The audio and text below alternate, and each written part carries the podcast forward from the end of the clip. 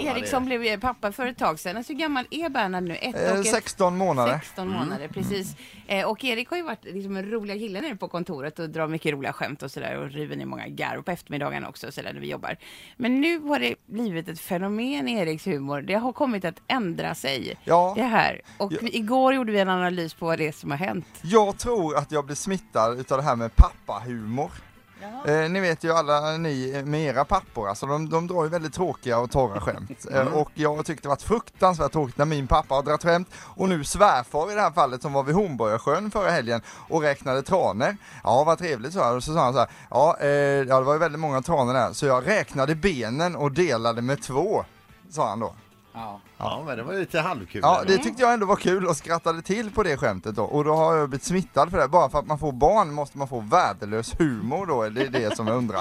Och Anna, har du något exempel från Nej, pappa Gunnar? pappa, pappa Gunnar gör ju den här alltid när det är släktkalas som man skickar sidern då till exempel runt bordet. Då säger han alltid där kom den sent om cider och skrattar ensam. Ja, det är ord, ordvitseri. Ja men alltså vad är det som Ja. händer med pappor? De är inte roliga. Min pappa har en standardhistoria, vill ni Ja, höra den? ja. Det var en kille och en tjej som träffades för första gången, gick på dejt och så hade de trevligt och sen skulle de säga hej då till varandra. Men då var det första gången för henne och så tyckte hon nej det känns inte bra så du får, vi får pussas genom brevlådan sa hon.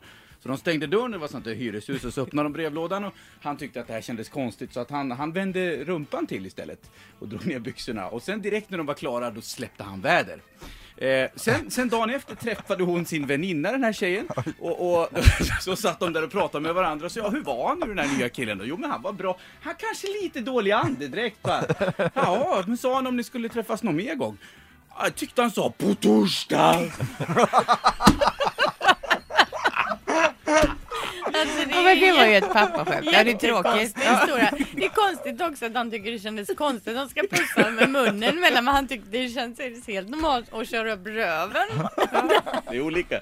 Det är olika. Ja men vad roligt, då finns det ju pappaskämt. Vi Jo men varför ska man bli påverkad då? Det är bara för att man får barn, man tycker sånt är kul. Det är ju Nej. konstigt. Ja, Ja, Alltså. men hamnar du i ordvitseriträsket Erik, Ja. då får vi lägga in det på eh, Det har redan hänt. Jag hade ju besök av Per Polis också, min kompis. Han har ju blivit pappa och eh, då drack han kolsyrad Pommac. Då, då sa han så här. Åh vad gott det är med kolsyra, men det svider på insidan sa han när det rann ner sen också. Det är ju typiskt sånt att man har blivit gammal grej alltså. När man, när han men hade det är ett skämt. Nej det var inget skämt, han hade alltså bara problem med kolsyra. Ett poddtips från Podplay. I podden Något Kaiko garanterar östgötarna Brutti och jag, Davva, dig en stor dos skratt.